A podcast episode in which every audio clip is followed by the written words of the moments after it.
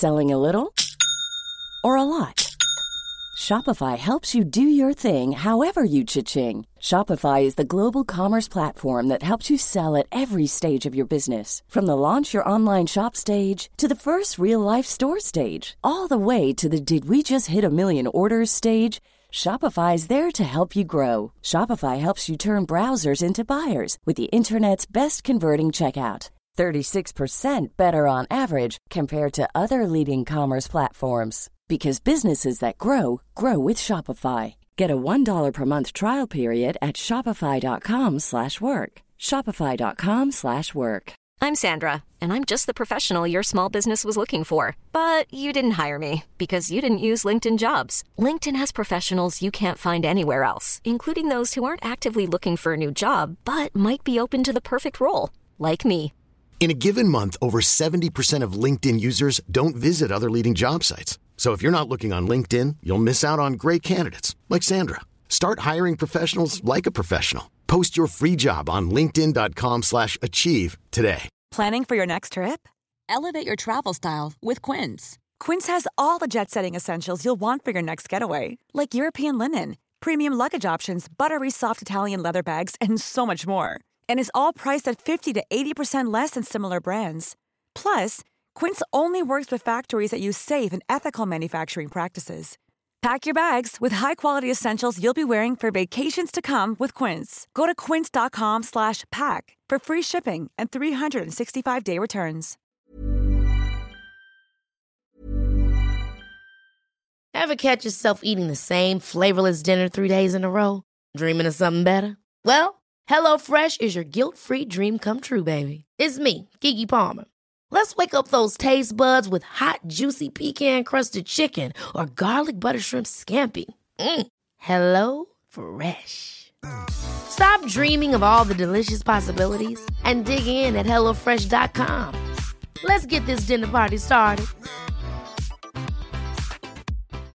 Millions of people have lost weight with personalized plans from Noom, like Evan, who can't stand salads and still lost 50 pounds. Salads, generally, for most people, are the easy button, right? For me, that wasn't an option. I never really was a salad guy. That's just not who I am. But Noom worked for me. Get your personalized plan today at Noom.com. Real Noom user compensated to provide their story. In four weeks, the typical Noom user can expect to lose one to two pounds per week. Individual results may vary.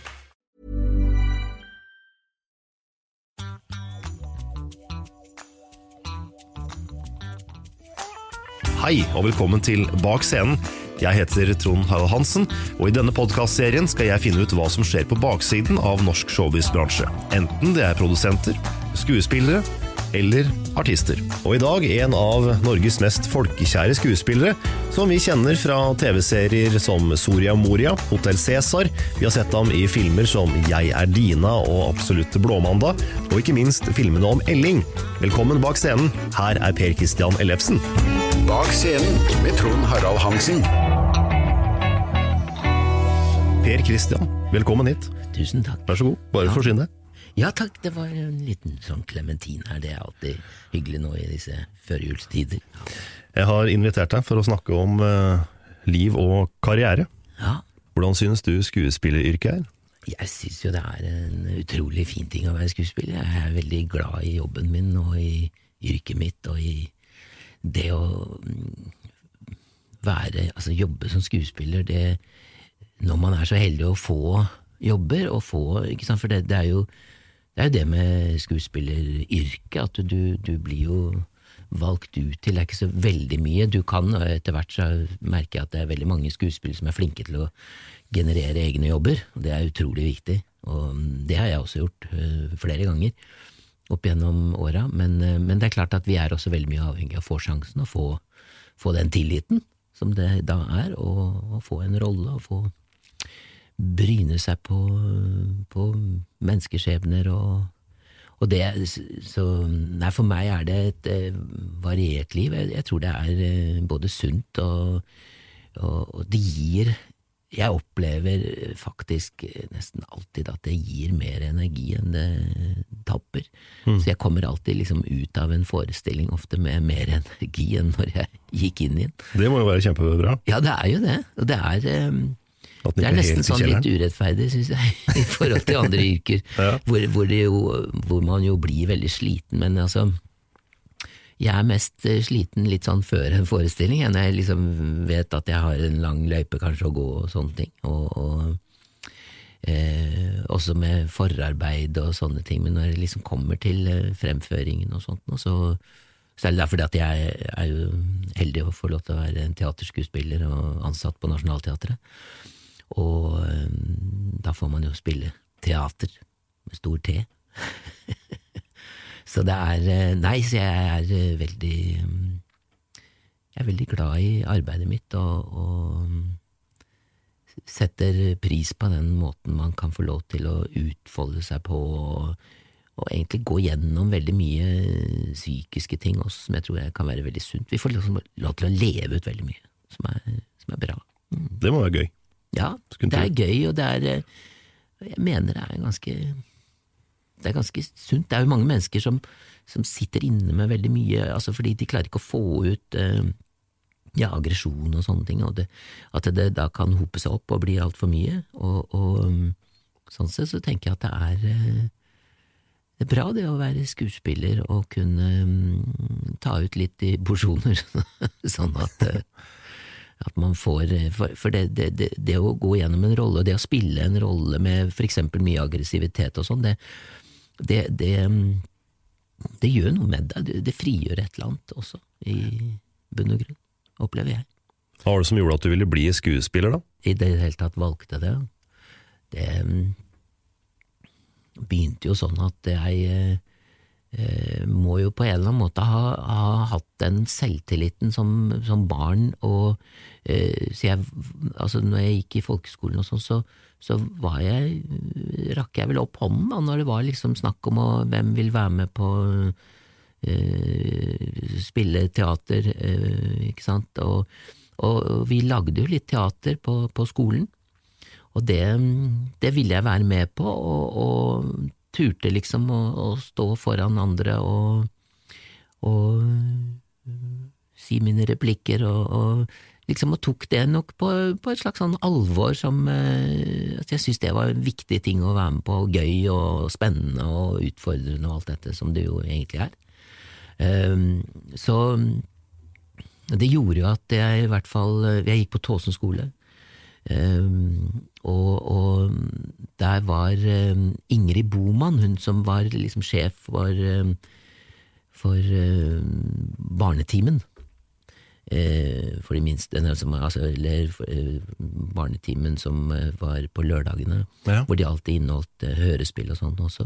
Så hun, hun hadde vært lærer på, på Tåsen skole tidligere, så hun ringte jevnlig opp til rektor og spurte om det var noen elever som de kanskje kunne bruke nede i radioen, for å spille mange av disse barnehovedrollene som var der, da, i disse hørespillene, som Huckleberry i Finn og ja, mye forskjellig. Og. Så jeg ble valgt ut til det, eh, litt sånn i begynnelsen av tenårene, men, men nei, litt, ja, ja, 13 12-13 år var jeg da jeg ble valgt ned dit, og da begynte jeg jo også å være litt sammen med skuespillere, og det og, og så begynte jeg da å skulle spille og, eh, foran en mikrofon, og det er jo egentlig veldig spennende og en veldig fin form for teater som jeg har eh, vært veldig glad for og, fått lov til å jobbe med eh, helt, helt, hele livet. Egentlig har gjort eh, veldig mye radioteater, og jeg kjemper jo veldig for at det skal, og håper veldig at de skal klare å holde aktiviteten oppe. Det håper jeg òg, for det er jo et, det er jo et kjempefint medium, da. Det er det. Det er et eh, det er veldig, Jeg fikk jo Kanskje det største jeg har gjort der, er jo eh, Per Gynt. Ja. Spilte Per, da, i, i den eh, eh, radiooppsetningen som eh, Steinar Bertelsen satte opp. Og det, er- det synes jeg var et fantastisk samarbeid med han og med alle kollegene som var med. Eh, Jeg kan ikke tenke meg et stykke som egner seg bedre for radioteater enn akkurat Per Gynt. Fordi at, ikke sant, det, det, du reiser til så mange steder, og det er, altså, det er, så, mye, det er så mange hopp i, i, historiefortellingen, så når du skal gjøre dette på teater, så blir det alltid mange kompromisser, men, ja. Litt I radio så ser du bildene, du ser bildene, og du, du, du, du ser dem inni deg, og, og du reiser eh, gladelig like fort som eh, Ibsen reiste når han skrev dette. Så, mm, og du kommer veldig nær, ikke sant? Så, så man har eh, mange, mange gode muligheter. Det er, eh, det er et spennende, og det er et eh, spennende medium å, å jobbe i. Jeg er jo veldig glad i serien om Knut Gribb også, jeg da. Å, ja, ja, Og der ja, var jo der- også du der- med i ja, en episode som en sånn litt sånn halvslesk eh, ja, morder. Ja, ja, jeg har for meg at det er noe ute på en Knivkasterkongen, og det er ja, mye, det er, det er, det er dere slåss veldig, ja, det er noe tåker, eller, og det er rart, ikke sant, for jeg ser bildet. og det var, vi sto jo verken på noe myr, eller at det var tåke i, i, studioet studio oppe i NRK, men, men, men jeg ser for meg faktisk akkurat det i den der, for jeg var en av The Bad Guys, det er veldig ålreit, det er forfriskende å være litt bad Det må jo være gøy. Ja, ja, ja, det er veldig sunt. Mm. Burde vi alle få lov til å oppleve. ja. Eh, Du starta på Oslo Nye. Ja, det er vel ikke helt riktig, men, men eh, i, altså jeg, jeg startet i Sogn og Fjordane. Oh, ja. Sogn og Fjordane Teater. Der starta jeg opp eh, Jeg var med å starte opp eh, Sogn og Fjordane Regionteater. Akkurat. Eh, Det var i 77, så det var eh, eh, Det vil si i 78 startet det egentlig. Eh, Men vi begynte å jobbe med de siste maksværingene i, eh, i eh, 77 på høsten, og da prøvde jeg dette inn i Bergen, og så dro vi på nyåret. Eh, en, eh, jeg tror det var eh, første nyttårsdag eller noe sånt, eller annen nyttårsdag, så, så dro vi eh, en lørdag eh, med en svær bussa buss oppover og flytta egentlig hele gjengen opp fra Bergen til, eh, til Sogn og Fjordane og kom inn i Førdehuset, som da var klart og ferdig til, eh, til teatret. Og mm, det var et, eh, det var et spennende møte med, med Vestlandet som jeg satte stor pris på. Jeg husker det første jeg så der, var Vi kom seint på lørdag kveld. Det var en tid hvor det var liksom litt andre Ja, det, var jo Det fins vel fremdeles kanskje noen steder, men det var sånn at det, du fikk ikke lov til å kjøpe én øl i butikken i Sogn og Fjordane. Nei, du måtte kjøpe en hel kasse. Akkurat, ja. Litt pussig alkoholpolitikk, spør du meg. Ja, det kan man si. Ja, jeg kanskje det er litt å, å pushe litt mye. Jeg som i hvert fall er glad i litt øl, jeg er liksom glad i toppen av en øl, og ikke Ikke fire- 24. Nei, jeg er ikke sånn som kan sitte med gutta og drikke fire øl liksom på styrten. Nei.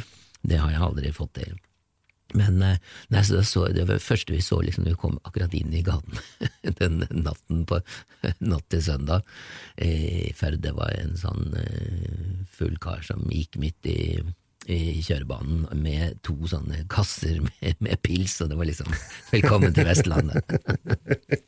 Men det var, eh, det var en flott tid. Det er, det, det er jo veldig morsomt å være med og, og møte et jomfruelig publikum, som det jo definitivt var. Og så, dette fikk jeg gjøre med Rolf Berntsen og Lars Gåsdal, som jo var to meget eh, meget dyktige komedieskuespillere. Særlig Lars Gåsdal var et, eh, en merkelig fyr, altså, som jeg satte så pris på at jeg fikk lov til å oppleve.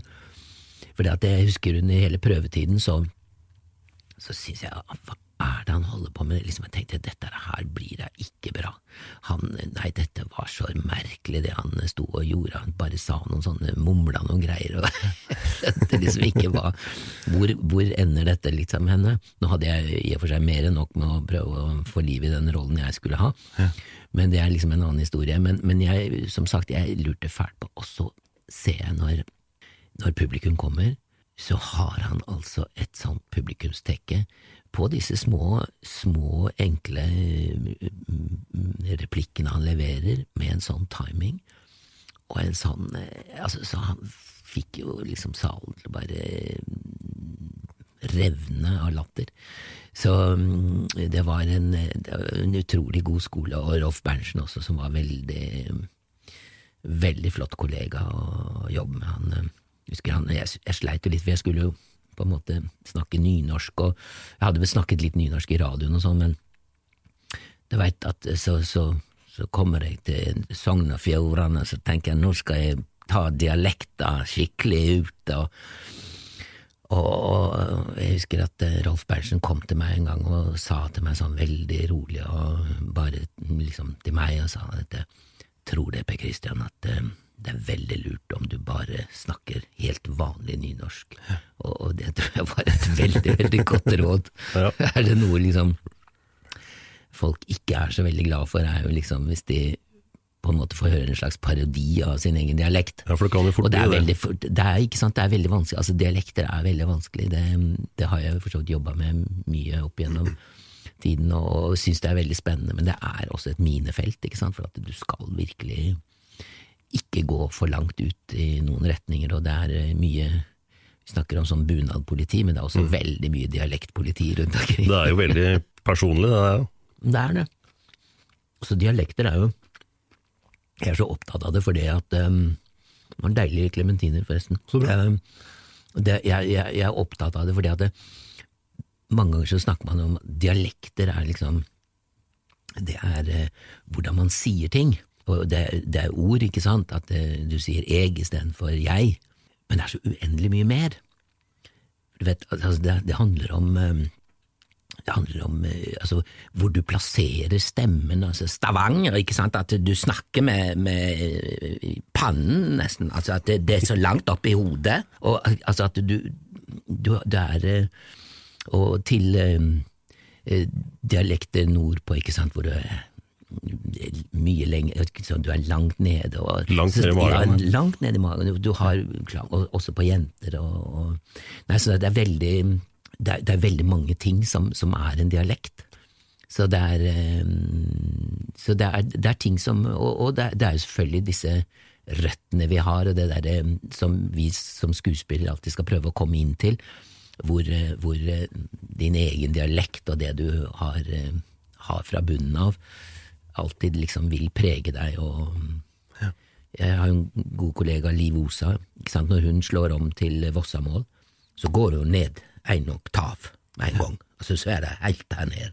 Og det er bare helt fantastisk å høre på. ikke sant? Altså, det er, hun snakker jo altså, hun snakker jo helt flott eh, østlandsk også, så det er ikke det. Men, men, men det, det, det er to forskjellige ting, altså. Også i klangen og det hele. Det er det. Yes. Er, eller var teaterpublikummet annerledes på Vestlandet enn det var eh, Ja, det, det, det er klart at de var det. Og, og, og, Ja, de, var, de hadde vel ikke smakt den maten før, mange av dem. Og, men nettopp den øh, måten vi kom, og, kom til dem på, øh, med da disse to øh, kjente, kjære skuespillerne, og også Anne Gullestad, så, så, så, så tok de veldig, veldig godt imot de, siste maksværingene. og vi spilte vel, jeg tror de sa at vi, vi nådde 10 av fylkets eh, befolkning. Det, er ganske høyt. Det er ganske mye. Det er ganske meget. Så, så, så det var en veldig fin start. Og, og så er det klart at eh, så kommer det jo ting som man prøver å, å få inn, og, og noen ganger så treffer man publikum veldig bra, og, og andre ganger så, så, så gjør man ikke det, og så er man kanskje forut for sin tid, eller altså sånne ting som Eller eh,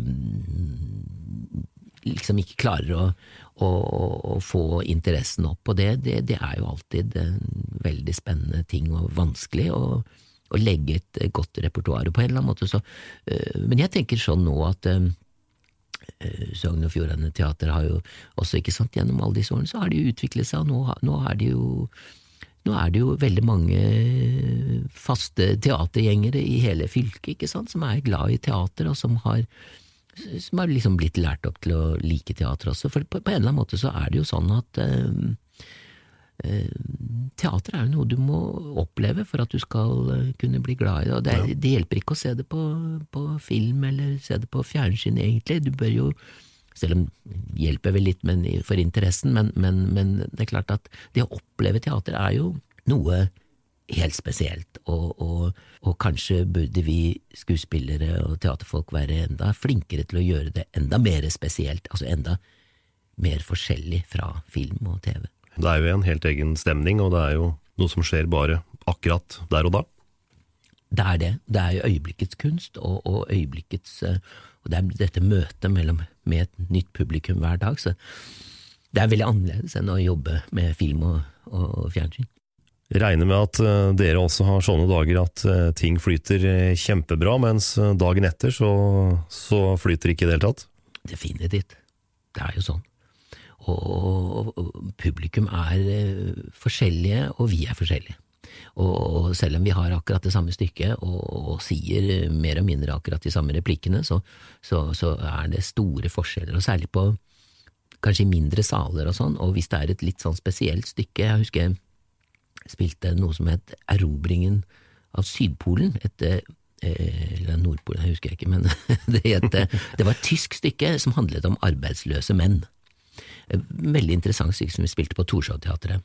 Torshov-teatret er jo en forholdsvis liten scene, sånn sett, den tar vel 190 personer. Og, og jeg, jeg, jeg tror vi hadde en, en veldig, veldig bra forestilling å, å gi til folk, og, og, men det, det, det var altså så morsomt å, oppleve kveldene der, fordi at de var altså så forskjellige. Noen ganger så gikk vi ut hjem etter forestillingen og tenkte at vi er jo geniale, dette er det her. Altså, publikum bare elsker det. Og andre ganger så hadde du følelsen liksom at publikum bare satt og så Hva i all verden er dette for noe tøys? Sånn at, og på samme, ikke sant, men at, at publikum på en måte bestemmer seg et eller annet sted, og det kan være detaljer som ikke på noen måte kan uh, alltid uh, vite forklaringen på. Men det er jo også noe av det som er veldig spennende som skuespiller, at du hele tiden prøver å finne ut av det. Hva er det for noe, hva er det som gikk gærent der, eller særlig hvis du jobber med komedier og sånt, noe som jeg har gjort mye, da. Ja. Sånn tilbake til Oslo Nye, som det, eh, hvor det var første stedet jeg ble ansatt i, i Oslo. Så, så, så, er det klart at eh, da er det jo kjempeviktig å, å, hele tiden prøve å finne ut hva er det som fungerer, hva er det som ikke fungerer. Den prosessen stopper jo aldri før siste forestilling, men da er det slutt. Da er det ikke noe, den. da er ikke Er noe, er, da er ikke noe poeng noe mer. Nei. Og så går veien til Oslo Nye. Jeg ble jo um, henta inn derfra fra, altså jeg, jeg sluttet i Sogn og Fjordane etter to år, og, og det var rett og slett eh, så lite dramatisk som at jeg ville veldig gjerne prøve meg hjemme i Oslo. Og, så jeg um, um, sa takk for meg etter to år. Da skulle det bli allmøtestyrt, og det var jeg også litt sånn um, Nei, det, det, hadde vært allmøtestyrt, unnskyld. Og, Vi hadde hatt allmøtestyring, jeg syntes det hadde fungert så veldig bra. Så jeg var også litt sånn eh, skuffet over at, eh, at fylkeskommunen da eh, krevde at vi skulle få en teatersjef og sånne ting. Og, og, eh, så, så jeg, eh, jeg sa takk for meg, og så tenkte jeg at nå, eller aldri, så prøver jeg frilanslivet. Og det, det gikk jo veldig bra for meg, for at det, det tok ikke så lang tid før um, Toralf Maurstad ringte og, og fra Nationaltheatret og spurte om jeg var ledig til å spille Peter van Dan i Anne Franks dagbok. Og jeg var særdeles ledig til å spille den rollen, så, og var veldig glad for det. Ja. Da spilte jeg forresten mot Liv Osa. Med brune kontaktlinser, hadde hun da, Ja. og, og mørk parykk. Men det gikk fint. Og, og da eh, Han hadde rett og slett ingen som, eh, som så ung ut eh, i ensemblet, og, og så da fikk jeg spille Anne Franks dagbok. Det var delvis egentlig på turné, sam samarbeid med Riksteatret. Oh, ja. Så reiste rundt i hele landet. Så skulle vi spille igjen til um, på Amfiscenen, men det ble ikke noe av på grunn av noe sykdom av de andre kollegene. Men, um, men åkke som, det, det var en veldig fin start, og så fikk jeg en annen eh, rolle i Sherlock Holmes. Jeg fikk faktisk rollen til um, eh, som eh, debutrollen til Charlie Chaplin. Bitte liten sånn eh, rolle, en sånn eh, avisbud.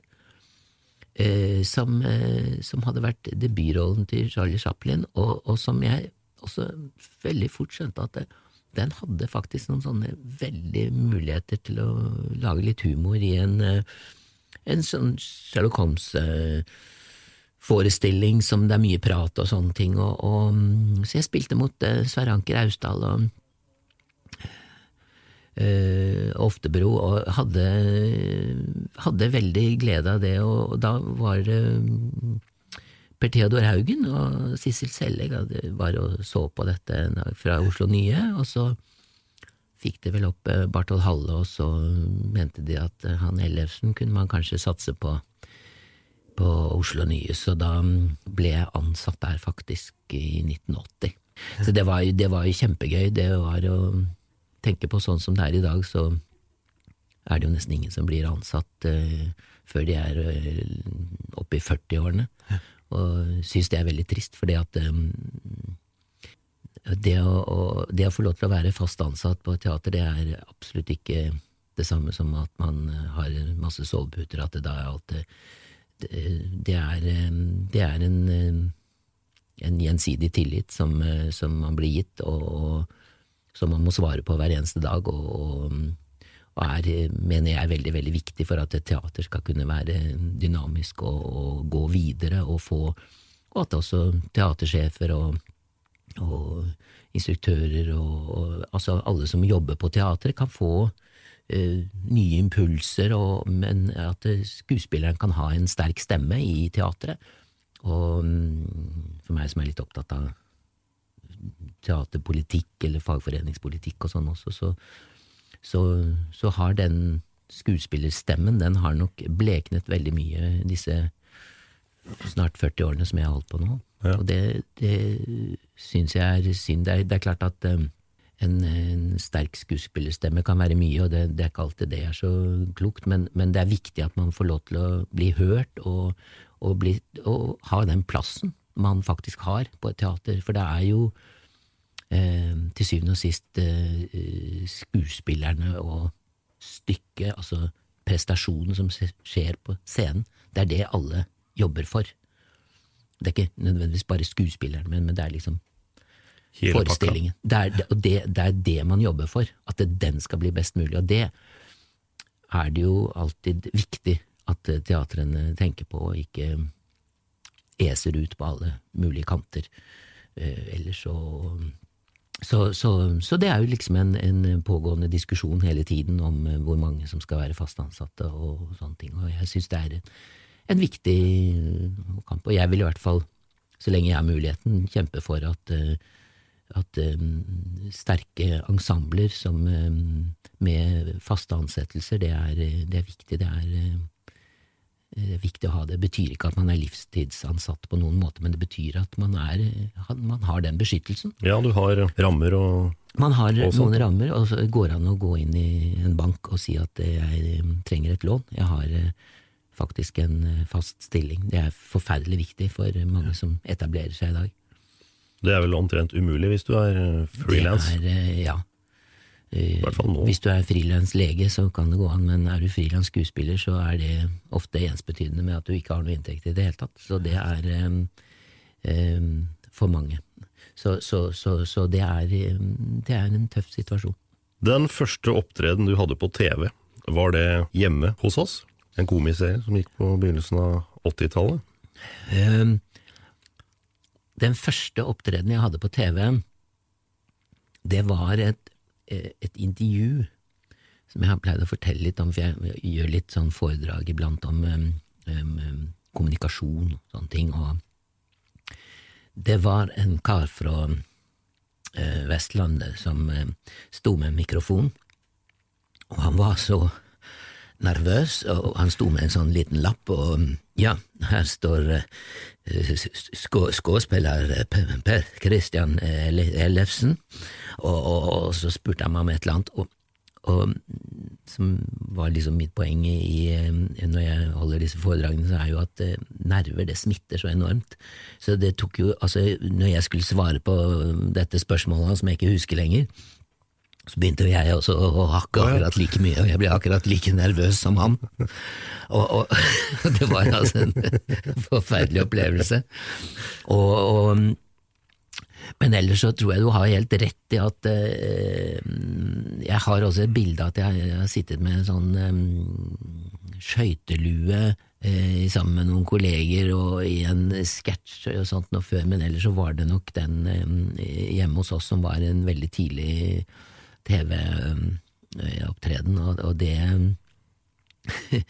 det, det, er, det, det, var jo veldig spesielt å opptre på TV på den tiden, fordi at det, det var helt altomfattende. Så, så den derre um, uh, intervjuet og sånn, da kom jeg Å oh, ja, nei, jeg så det på TV! Altså, det var jo helt um, grensesprengende. Det var liksom noe alle så på?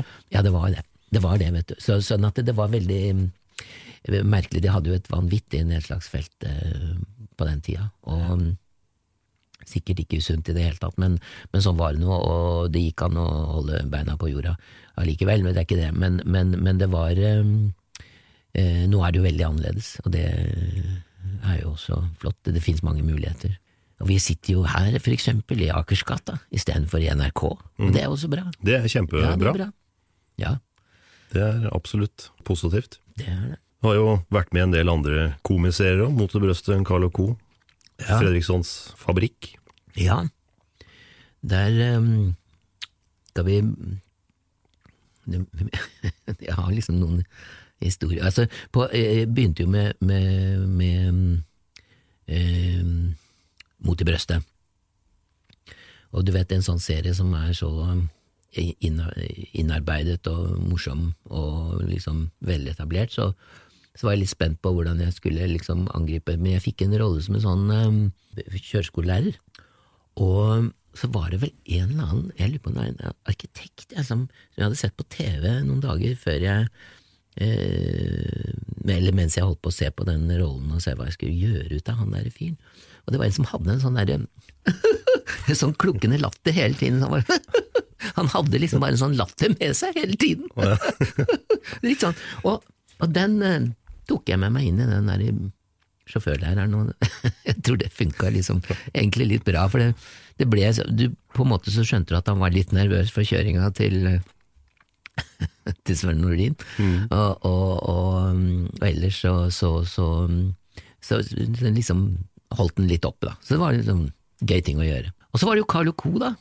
Og det var jo eh, Der fikk jeg liksom lov til å eh, Eller vi utvikla litt sånn, det ble vel en par episoder på det, tror jeg. Jeg var vel en sånn advokat, men med noe vininteresse, og i hvert fall jeg mener at jeg holdt på med litt med noe vin og greier der. Og det er jo alltid sånn når du går inn i sånne jeg har ofte sagt det til andre kolleger og sånn, og det går an å si her også på radioen, at eh, hvis folk visste egentlig hvor vanskelig det er å gå inn og gjøre sånne småroller, man snakker jo ikke sant, ofte om eh, de hovedrollene når man gjør Men altså, det der med å gå inn og gjøre små roller, ikke sant, hvor du ikke kjenner ikke sant, du, du, har et helt team som de andre da, som har vært med ikke sant, gang etter gang etter gang, kjenner alle, er fortrolige, de er fortrolige med rollen sin, det er mye, mye vanskeligere. Mm. Også det å lære seg, selv om det bare kanskje er fire-fem replikker, så er det mye vanskeligere å lære seg, for du, du har på en måte ikke eh, du har liksom ikke dette i, under huden som du får når du er med lenge. Jeg har jo fått være med noen ganger ordentlig lenge på serier også. Eh, sånn at jeg, jeg, har liksom vært med på begge greiene, og, og det men det er en ganske stor utfordring, altså. Kjenner få, og du må hilse og glemmer navn, og så, så, er det der, og så pang, er du der, og, og, og, du vet også at det er ikke deg det liksom det er ikke deg det kommer an på, eller det kan det ofte gjøre, men, men det er ikke du som får Du kan ikke ta deg all verdens med plass, ikke sant, så du skal være der og så det skal levere med en gang. Mm. Så det er alltid spennende og sånne ting. Men så er det gøy når det funker, og sånn er det med det meste. Det er jo Men det er klart, akkurat, den der, akkurat det yrket vårt, da, som, som skuespillere, så, så, så, er det jo klart at uh, scene og opptredener og sånt noe går fra å være det mest fantastiske i verden til å kunne være en gapestokk, altså, hvis du ikke får det til, eller hvis det Ikke sant, sånn at det spranget stort. Og så er det jo litt sånn at eh, har du først sagt ja, så, så, kan du ikke angre. Du må stå og løpe ut. Ja da, og du må jo eh, Ja, du kan jo, ikke sant, du må det. og Stort sett så går det jo bra, men, men, men, men det er klart at det er Det er jo nerver og sånn tilknyttet til sånn, sånne prestasjoner, og det men det er det jo heller ikke noe å si på. Det er jo, nei, nei, det er jo helt fant... Altså, det er jo jeg, jeg, jeg må jo Jeg pleier å liksom tenker litt på det når jeg står foran en premiere og sånt og er nervøs. og tenker også på at det, det, er jo helt fantastisk å få lov til å ha en jobb hvor du faktisk er spent og, og, litt nervøs for det du skal gjøre, fordi at det betyr noe, fordi at det er mennesker som faktisk ser på det, og, og, og mener noe til og med om det. Altså, du blir jo sett. Tenk så mange eh, rundt omkring som, som, har andre jobber, som kanskje føler at de aldri liksom blir sett eller satt pris på, eller for den saks skyld får en kritikk, da, som sier at uh, dette var ikke så bra, du kan jo bedre. og uh, Kritikk er vi jo vant til å få, og jeg syns jo kritikk er helt utmerket, særlig når den kan være konstruktiv, og det bør jo alltid kritikk være. Forskjellen mellom et vanlig yrke og skuespilleryrke blir vel at, eh, som, at som, vanlig ansatt, da, mm. så kommer jo kritikken internt, mens er du skuespiller, så er den gjerne offentlig. Ja da. I alle lands vi, aviser. Ikke sant? Ja da, og vi får jo eh, begge veier, og det, det, er klart at eh, jeg har ofte tenkt på det når eh, jeg møter eh, mennesker på min vei som, som, ikke er skuespillere, men som kanskje har eh, hadde noen hyggelige dager med Gerd Liv Valla. Veldig eh, hyggelig bekjentskap eh, nede i eh, Liguria i fjor sommer, og, og eh, pratet om mye. Og, Da tenkte jeg litt på hvordan vi som skuespillere sant, sitter og finleser om det står liksom en liten sånn negativ ting, og så går vi helt til kjelleren, liksom. Hvis det står en sånn liten bisetning om at uh, Ellefsen burde kanskje ha hatt en annen rolle. Altså, skjønner du? Og, og, så, og, og så, så, møter du også mennesker som har altså, hatt liksom førsteside dag etter dag etter dag, hva, hva det gjør med en, altså hvilken styrke som skal til. Altså, det, jeg er litt opptatt av det. Det handler ikke om for så vidt uh, hva som er årsaken, eller noe, men det handler om akkurat det å, å, å, å være så hardt inne i media som man kan bli i dag, i visse posisjoner. Det, den, det trykket og det, den kraften det er, det, det skal man ikke kimse av. Altså. Nei, du skal være relativt hardfør, altså. Ja, det skal jeg love så fikk du en rolle i NRK sin storsatsing Soria Moria. Ja. Over en og da fikk jeg lov til å, å, virkelig oppleve det andre som Som er å være en av gjennomgangsfigurene i en uh, NRK-serie.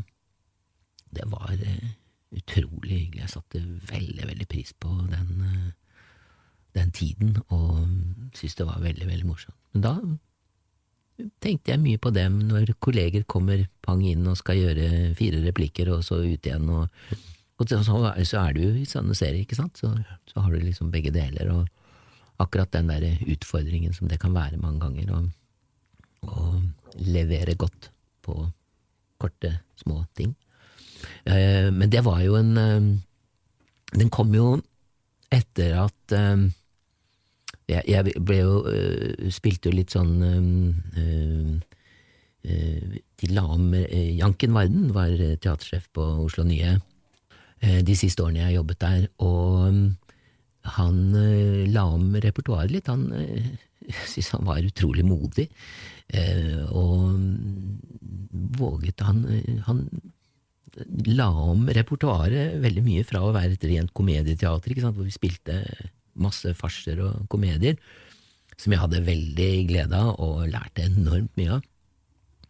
Men, men, men, som også var veldig flott å få en omveksling i, og til at han begynte å Vi gjorde altså Dostojevskij, og vi gjorde Hamlet, og, vi, og det kom masse folk. Vi, det som var litt sånn uh, selvsettende for meg, var jo egentlig når jeg vi, gjorde Brødrene Karamazov, spilte jeg denne halvbroren som var morderen. Fadermorderen. Og, og, det var en sånn uh, utrolig flott um, opplevelse, hvor jeg også fikk en slags sånn uh, ny erkjennelse om at ja, men Ellefsen kan jo spille seriøse ting også. Og um, det det kunne jeg, jo, da. det, det, kan jo veldig ofte skuespillere som eh, også kan eh, jobbe litt med humor. Ja. Men, eh, men det er ikke alltid det, de utenfor liksom tenker det. Og, men i hvert fall så, så det var veldig gøy å, å få være med på det, og det gjorde også at jeg kom over til Nationaltheatret, ble ansatt der. Og da var jeg i radioen og gjorde Peer Gynt i et mellomår, og så begynte jeg for fullt på Nationaltheatret i 97. Og jeg var bare liksom før denne eh, Soria Moria, altså.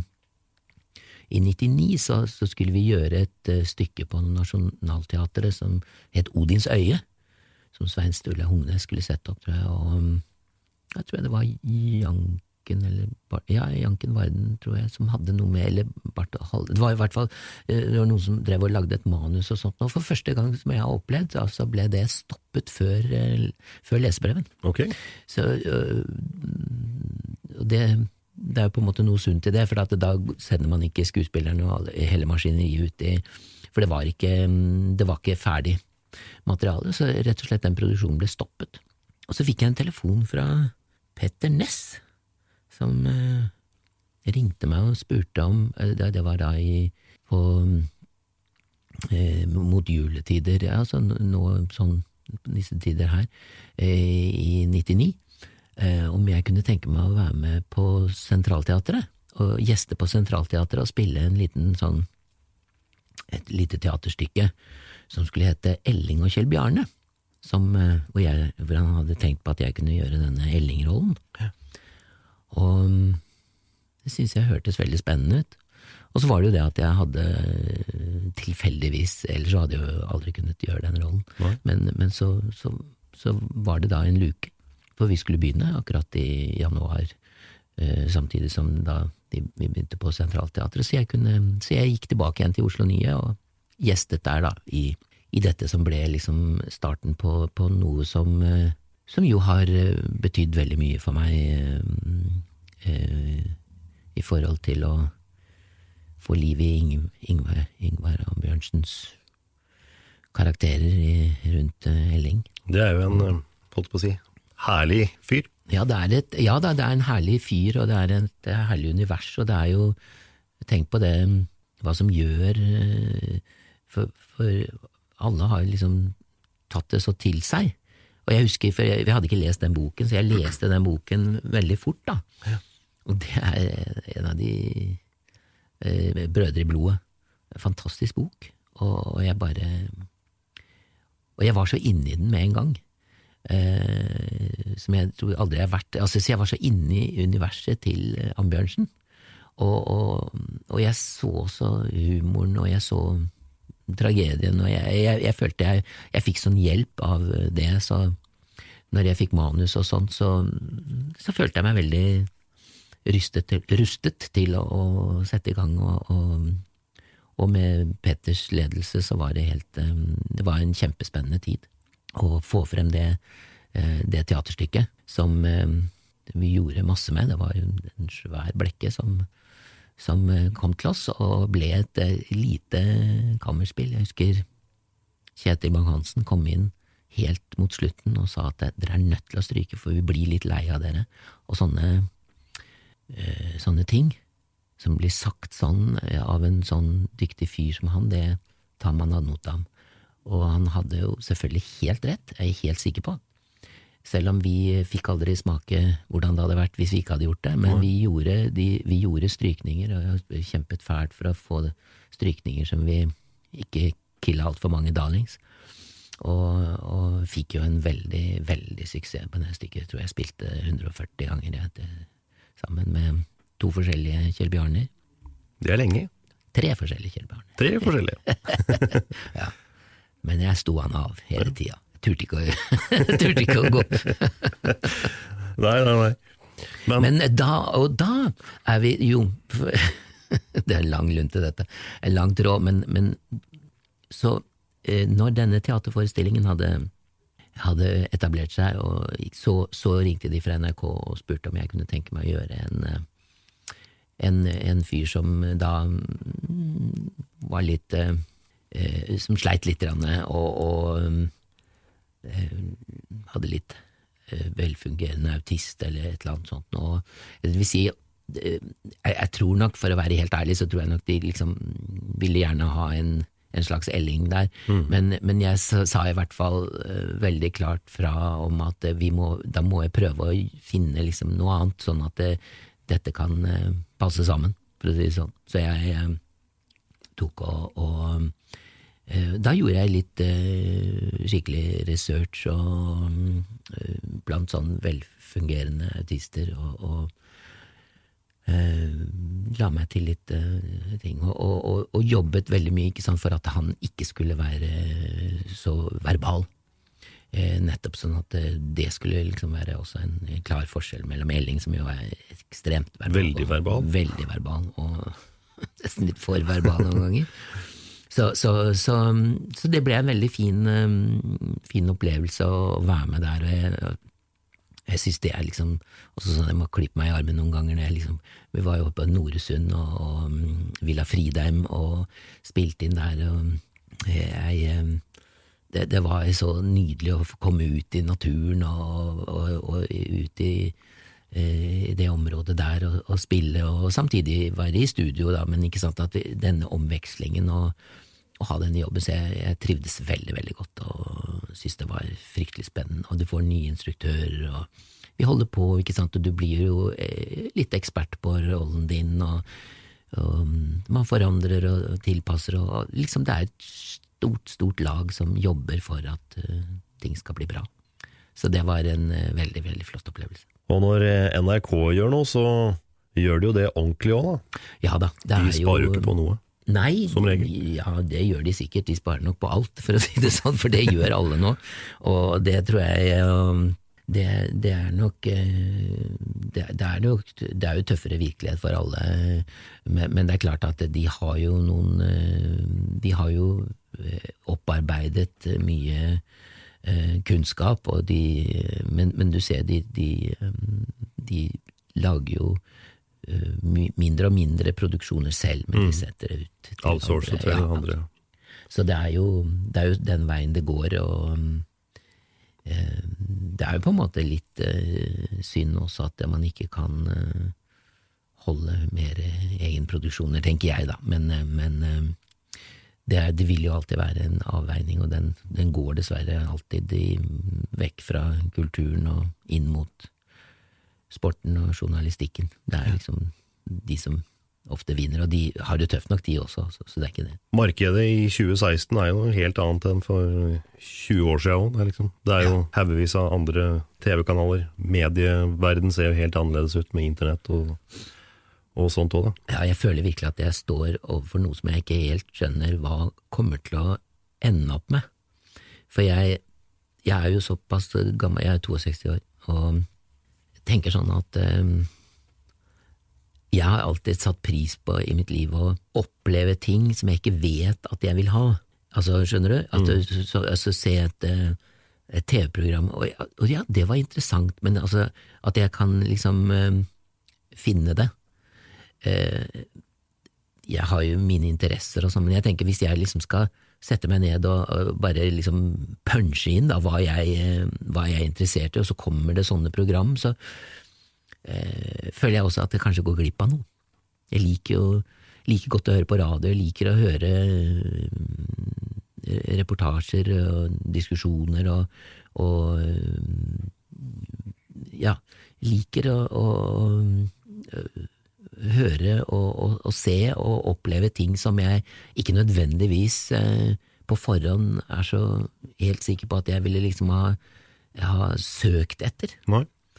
Og, og det, det, lurer jeg litt på hva som kommer til å skje om vi blir sånn nå at, det, ikke sant, at radiokanalen også blir sånn at det bare spiller for det er jo litt sånn, det går litt i den retningen, sånn at du bare spiller jazz. Absolutt. Eller bare spiller at det bare klassisk. Og, og, og, jeg er et sånt menneske som alltid har likt variasjon. Ofte når folk spør meg hva er det, hva er det neste eh, stykket du ønsker å spille i, så, så, er det ofte et som er helt annerledes. Eller hva slags rolle er det du ønsker deg nå, liksom, så er det ofte en rolle som er helt annerledes enn den jeg har gjort før eller den jeg står oppi akkurat nå. Altså, det, jeg liker jo mangfoldet.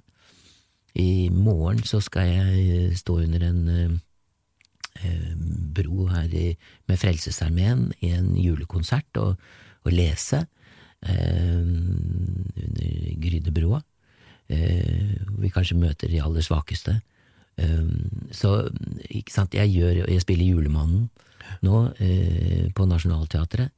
Eh, fulle hus. Og um, ja, jeg eh, elsker variasjon og mulighetene. Altså alt det Plutselig så gjør jeg et, eh, et seminar med Snakker om kroppsspråk eller presentasjonsteknikk og sånne ting. Og ja, liker å variere litt på kosten. Det blir jo interessant, ja. Det er ikke en dag som er lik. Nei, det, det er ikke så mange like dager, og, og, og det, det, det, liker jeg, det syns jeg er bra. Og det, det handler også om litt om Noen ganger så skal du tidlig opp, og andre ganger kan du sove lenge. og jeg, jeg, Det passer meg godt. Det har vært sånn hele livet. Og Noen ganger jobber jeg veldig veldig mye, og andre ganger jobber jeg ikke på langt nær så mye. Mm. Det er jo ganske bra. Det er bra. Ja. Var det absolutt uh, Blåmandag som var uh, gjennombruddet på film? Ja. ja, det var en Jeg tror jeg egentlig var en ganske bra film. Det er det. Det er veldig synd at den ikke fins på DVD. Ja, DVD. Også, uh, du må på VHS hvis du skal se den. Ja. Mm. Ja, for jeg har den, har den på VHS, ja, så jeg nå. Jeg rydda litt, og så uh, Så jeg tenkte For det, det, skulle vært morsomt å sette den igjen. Uh, den um, Der også, ser man også at publikum er forskjellige. For jeg husker at kritikkene der var at i byene så var de veldig fornøyd med den filmen. Særlig i litt større byene, Oslo, Trondheim og Bergen, tror jeg. Uh, men, men ute på landet så syns jeg det var noe ordentlig herk det ligger jo litt i filmens karakter, den er vel ikke akkurat uh, veldig uh, Altså, det, det, er noe Den er jo en urban film på mange måter, mm. og, og, men det er jo litt morsomt, altså, for det, det, var, det, var, veldig sånn sprikende kritikker om det. Men det var en, en veldig flott tid og morsom ting å få lov til å være med på. Og det var vel, Jeg har jo vært med på noen filmer tidligere, men det, det er så smått at jeg Da var jeg nettopp en sånn som var inne og leverte tre replikker, og så løp jeg ut igjen. Ja. Um, så, så, det var jo veldig gøy å få være med på det. Husker du det som en veldig aggressiv uh, film? Jo, men det var jo en sånn altså Ingar Gimle var jo glimrende i uh, Det var jo han som hadde på en måte Han hadde den blå mandagen, for å si det sånn. Og det, uh, Britt Elisabeth var det, men, men ja da, det var jo altså Det var jo det, men det var en del humor i det òg. Mm -hmm. Så, så, og den og noe litt Altså, mye sånn rart Jeg husker, Hva var det en av replikkene het? Jeg er best på, på vask og føn. Det var, jeg, jeg var en frisør da, tror jeg. Ja. Litt sånn engstelig frisør, som jeg var best på vask og føn. Og så hadde jeg en mor som hadde nedsunken livmor som jeg drev og slet med, som jeg måtte snakke om til mine kolleger. Nei, det var, altså, var noen sånne rare ting. Det var, mm. det var morsom, og en fin opplevelse. og jeg har vært, eh, alltid vært veldig jeg har alltid vært veldig glad, i å, glad for å få lov til å jobbe med, med Petter Ness, for at han, han har en sånn Uh, utrolig Han klarer å skape en sånn utrolig ro rundt mm. seg. Uh, samtidig som det er jo blodig alvor for han som alle andre, og, og ikke sant, å lage uh, disse filmene, men, men han, han, klarer liksom å, å, å, gi den tilliten, og som jeg pleier å si, at det, det at en person også klarer å ha såpass mye selvtillit og ro, særlig på den tiden, da, hvor han jo egentlig debuterte som filmskaper, mm. mer og mindre, eh, så, så, klarte han også å si at eh, vet du hva, dette vet jeg ikke helt, må, dette ser vi på, så finner vi Altså at han ikke hele tiden skulle eh, være mm, suveren. Og det, det, føler jeg er egentlig en, et, et, tegn på styrke, at man noen ganger våger å og si at ok, dette kanskje vi, vi, må se på hvordan, hva tenker dere her? At man våger å gjøre sånne ting. Ja, for det er ikke alle som, gjør. Nei, det er ikke alle som gjør det. Og, og, det er jo ofte sånn at jo høyere du skriker, desto mer usikker er du egentlig. ja. Han uh, lagde jo også Elling, Ja, det gjorde han. filmene om Elling. Ja da, han gjorde det. Han lagde den første og den siste. Det ble jo en trilogi. Ja, Det burde vel vært sånn at film nummer to blei nummer én. Ja, Sånn. men, er, men, men på en eller annen måte så, så Ja da, altså sånn, sånn, sånn sett så, så var jeg jo yngre etter at jeg um, allerede hadde blitt litt eldre, for å si det sånn. Men på en annen måte men- så er det greit å kjenne Elling fra film nummer én før du ser film nummer to. Men det er klart at um, jeg er vel en part i saken, men, men jeg må jo si allikevel at uh, den filmen som um, eh, Peter lagde som heter Elling, det, det eh, Der gjorde han en helt eh, fantastisk jobb som Hva var det Ingvar Ambjørnsen hadde uttalt at den, den ble jo aldri nominert til Amanda. Så da var det visst Ingvar Jeg hørte det nettopp for to dager siden. Eh, At Ingvar Ambjørnsen hadde sagt at eh, da skjønner man hvor høyt Amanda-prisen henger. Når, når den ikke ble nominert engang, så ble vi jo nominert til Oscar, da. Så, så Petter fikk sin revansj, han altså, til de grader. det var helt fantastisk. Men, eh, men eh, Nei da, og, og, men det er eh, eh, Det var en eh, fantastisk eh, greie å få jobbe med det, og det var jo ikke Det var jo egentlig eh, ble jo uttalt eh, fra Dag Alveberg og eh, så eh, produsenten at eh, det var ikke Per Christian Ellefsen og Sven Nordin som skulle spille de to hovedrollene, men eh, de skulle finne noen andre. Noen eh, ikke teaterskuespillere, liksom, og unge. Og, og det gjorde jo eh, et skikkelig forsøk på, da. Så mm, da husker jeg da, da da var jeg litt sånn, jeg tenkte mye på det, for at eh, vi hadde liksom vært med å, å føde dette stykket så til de grader opplevde vi, da, i hvert fall eh, på, på teatret, og det var jo på en måte rammen for, eh, for første, mm, første film, Ja. Elling-filmen.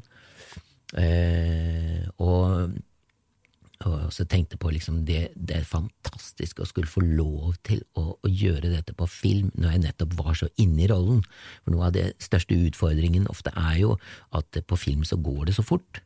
Og du, du har så lite tid, sånn at, og det, det er aldri penger til liksom Det er liksom ikke sånn USA-penger at du kan liksom gå og forberede deg et år og, og snoke på ting og tang for å liksom bli preparert til rollen.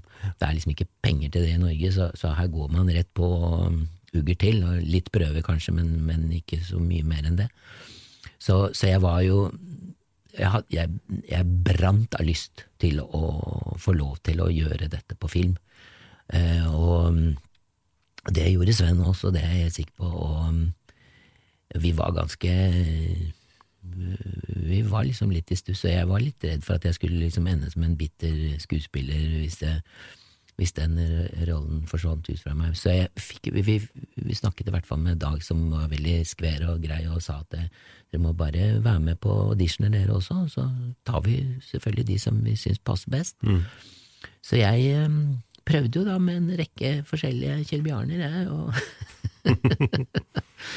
Men eh, så um, like før påske en eller annen gang da, så, så ringte eh, produsenten meg, og så sa han at det, det var oss som skulle gjøre dette, og da ble jeg veldig glad. Det å finne Elling, var det enkelt? Eh, nei, det er, det er jo ikke enkelt, men, men, eh, men eh, ja, det var Det gikk, eh, det gikk veldig eh, Det å finne karakteren, det, det falt seg naturlig for meg, men det var jo veldig mye sånn som nettopp Petter Næss eh, jobbet med oss. For han, eh, og, og og særlig med, ja, med min karakter, sant, så var han veldig veldig oppmerksom på at jeg skulle ta det fra meg selv, og at jeg ikke, så, så, så, ikke spille en eller annen gal mann. Eh, ikke sant? Ikke, ikke gå på eh, sykehus og eh, finne modeller, men, men ta det fra seg selv. Og, og, og der eh, jeg mener jo at det er det geniale med det universet Ingvar Amundsen har skapt også, er jo nettopp at han har eh, han har lagd et, um, et en, en, en, karakter, en Elling, som alle kan identifisere seg med. Det er jo så mange som sier at ja, men jeg er litt sånn selv. Jeg har en sånn historie som jeg nesten er nødt til å fortelle, for jeg var på en filmfestival i Istanbul, og da kommer det en da, da, da, er jeg med på å vise filmen, den er oversatt og sånt nå, og så etterpå så, så kommer det tyrkere bort til meg, og så tar de meg hånden og sier at tusen takk, denne filmen er jo om oss, oss tyrkere. Og det må jeg si at det, var ikke akkurat det vi tenkte på da vi holdt på på Majorstuen og jobbet i 32 dager for å spille inn denne filmen i Oslo. Sant, Lager en veldig, veldig lokal film, og så plutselig så, så får den interesse i så mange land, og den ble jo solgt til over eh, halv million publikummer i Tyskland og Sverige og Danmark. Danskene skrev jo at eh, tro det eller ei, men dette er en norsk film, så, men, men, den er faktisk fantastisk god, så KC. Mm.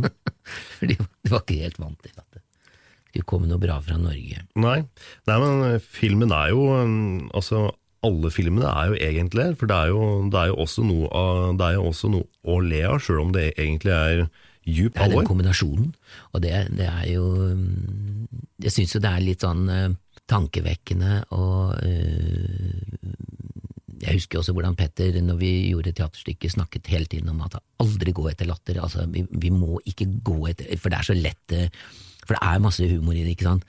Men, men for å si det sånn, Elling er ikke morsom. Elling er ingen morsom mann. Han er veldig mye, men han er ingen morsom mann. Og, og, og, og sammen med Kjell Bjarne.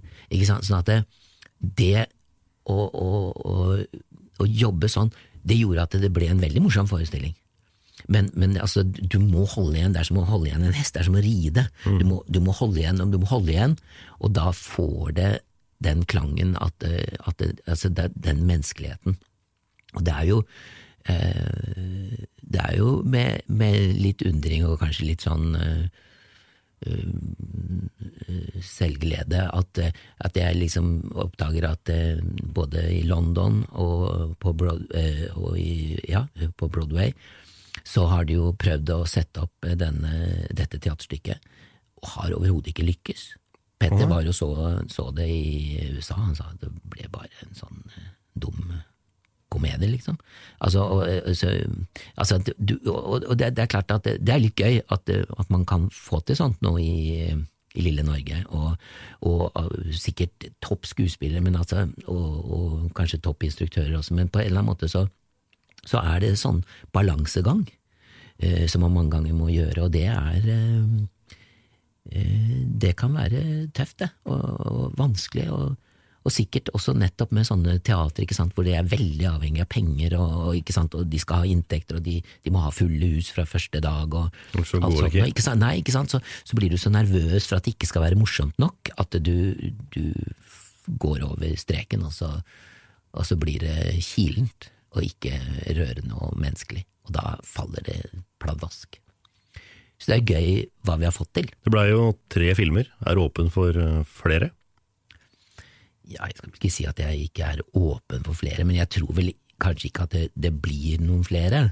Jeg tror ikke det er eh, så realistisk. Nå har jo Ingvar Ambjørnsen tatt uh, han skriver jo Det er veldig, jeg synes det er litt morsomt, jeg bor på Grefsen og har en eh, sokkel, har sånn sokkelleiligheter på Grefsen også, og eh, han har jo da plassert eh, denne eldre Elling i en sokkelleilighet på Grefsen, så jeg syns jo det er veldig hyggelig, da, uten at jeg tror han vet at det er morsomt.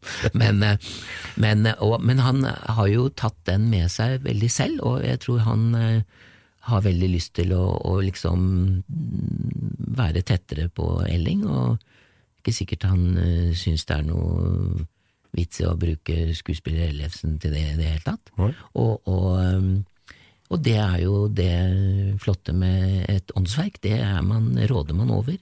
Og han uh, råder jo så over det at han vil jo ikke engang kanskje gi det ut som bok, fordi at han uh, vil gjerne ha det selv, og det det syns jeg han skal få ha. Mm. Det, det, det, er jo hans eh, privilegium, og jeg håper bare jeg får oppleve det en gang, for jeg har veldig lyst til å se det, men eh, jeg har ikke fått det til ennå. Men han er jo iblant rundt og, og gjør, Jeg hørte noen som sa at det var en stor, stor opplevelse å høre på han. Så mm, det håper jeg får med meg. Det er elleve år siden siste filmen om Elling kom. Det var i 2005. Hva, hva skjer om dagen nå? Nå gjør jeg teater, og jeg har gjort uh, uh, litt film i uh, utlandet. Gjort en, var med på en sånn um, en, en, film som heter Rare Exports, som er en, en, julefilm. Det passer egentlig bra nå å ta frem. Det er en finsk debutant. Der spiller jeg en amerikansk vitenskapsmann som skal finne den ordentlige julenissen. Det er utrolig bra film, som eh, Jeg har bare en liten rolle der, for så vidt, men, eh, men, jeg liksom setter i gang det hele plottet og blir halshugd av, eh, av julenissen etter hvert. Men det er en sånn selvironisk finsk film som, som er en Jeg syns det var veldig morsomt å få være med på. Som vi spilte opp på filmcampen i Nord-Norge. Oh, ja. og, og i Nord-Troms. Det var eh, veldig, veldig gøy å få, få, være med på det. Og, eh, og, så ble det en sånn film som jeg vet i Variety, som er et sånt eh, høy, høythengende organ i, i eh, USA. Hun fikk eh, veldig, veldig god eh, anmeldelse og mente at det var rene Spielberg-filmen til en liksom en penny istedenfor mange millioner. For den var jo ekstremt ekstremt lavkostfilm, men uh, han fikk til veldig mye, av filmskaperen, finske filmskaperen. Mm. Så Rare Exports kan jeg uh, anbefale for julen. Det er et lite grøss og, en, og et smil, og, men litt sånn skummel også. Stilig. Uh, nei, så jeg, jobber, jeg, har jobbet mye på teater og gjort mye foredrag en tid, og ting går litt uh, ikke sant, Det går litt frem og tilbake nå. Skal jeg gjøre noe prøve uh, filming for noe TV-greier, og får man se hvordan det går. Og, så det er liksom eh, Det er hele tiden Det, det kommer og går litt ting, og det er, eh, det er fremdeles um, mye forskjellige oppgaver. Skal i gang med Shakespeare oh, ja. til uh, As You Like It uh, over, uh, i februar. Og så spiller vi da spiller jeg Julemannen, og, altså i Julestjernen, i Reisen til julestjernen som vi har eh, veldig glede av å spille. Vi spiller jo masse dobbelt nå utover i jule, jula. Men jeg tenkte kanskje jeg kunne mm, lest en eller annen uh, tekst til slutt. Ja. Kunne ikke det vært Det hadde vært uh, kjempebra. Jeg har jo um, uh, nå i um, denne, mot denne jula her, da, førjulstiden her, så har jeg vært med på flere sånne julekonserter. Jeg var med mm, Solveig Kringlebotn i, i Bergen. Oh, ja. Eh, sjøforsvarsmusikken der, og det var eh, veldig, veldig gøy å få oppleve. Og um, så skal jeg ut med Frelsesarmeen nå, noen dager. Og så har jeg vært i Uranienborg kirke og hatt en sånn frivillig uh, julekonsert der, som de har et uh, årlig på, en årlig tradisjon på, som veldig, var veldig hyggelig å få oppleve. Og da leser man litt forskjellige ting. En ting som jeg ikke har fått lest denne julen, tenkte jeg kunne ta med til, til dere, og, som er en, en Brecht-tekst. Og det er kanskje ikke Brecht, det er den man forbinder mest med julen, men han har en uh, fredssang som lyder slik. Fred over alle på jorden. Fred over arbeidet vårt måtte det alltid ernære dem som arbeider hardt. Fred over alle i landet, fred over oss i vår by. Måtte den alltid gi hus til dem som gir andre ly. Fred over oss her i hjem, fred over naboen vår. Måtte en fredelig nabo være i fred hvor han går. Fred over Krasjnaja-plassen og Lincolns monument og Brandenburgerporten og fanen som der er tett. Fred over barn i Korea og arbeidsfolk i ror. Fred over New Yorks sjåfører og kulier i Singapore. Fred over nordiske bønder og bønder fra Trinidad.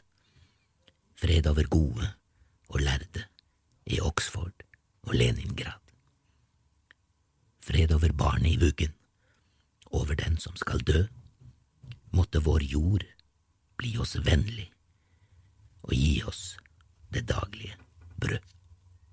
Det syns jeg er en uh, flott uh, fredssang som uh, vi trenger til de grader også i 2016 og i overgangen til 2017. Definitivt. Så riktig god jul og godt nyttår like måte. Det var min prat med skuespiller Per Christian Ellefsen. Og med det så er Bak scenen ferdig for denne gang. Jeg heter Trond Harald Hansen og sier tusen takk for at du har hørt på. Det syns jeg er veldig hyggelig. Inntil vi høres igjen får du ha det fint. Mer podkast finner du på itunes.com, eller der du lasta ned denne podkasten. Mer podkast kommer om ikke så altfor lenge.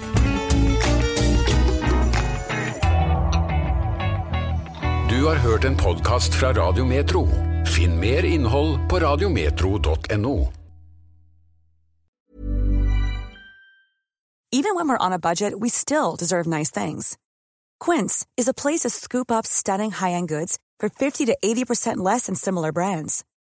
They have buttery soft cashmere sweaters starting at $50, luxurious Italian leather bags, and so much more. Plus, Quince only works with factories that use safe, ethical, and responsible manufacturing. Get the high-end goods you'll love without the high price tag with Quince. Go to quince.com slash style for free shipping and 365-day returns. Ever catch yourself eating the same flavorless dinner three days in a row? Dreaming of something better? Well, HelloFresh is your guilt-free dream come true, baby. It's me, Kiki Palmer. Let's wake up those taste buds with hot, juicy pecan-crusted chicken or garlic butter shrimp scampi. Mm. Hello Fresh. Stop dreaming of all the delicious possibilities and dig in at HelloFresh.com. Let's get this dinner party started. Planning for your next trip? Elevate your travel style with Quince. Quince has all the jet setting essentials you'll want for your next getaway, like European linen, premium luggage options, buttery soft Italian leather bags, and so much more. And is all priced at 50 to 80% less than similar brands. Plus, Quince only works with factories that use safe and ethical manufacturing practices. Pack your bags with high-quality essentials you'll be wearing for vacations to come with Quince. Go to quince.com/pack for free shipping and 365-day returns.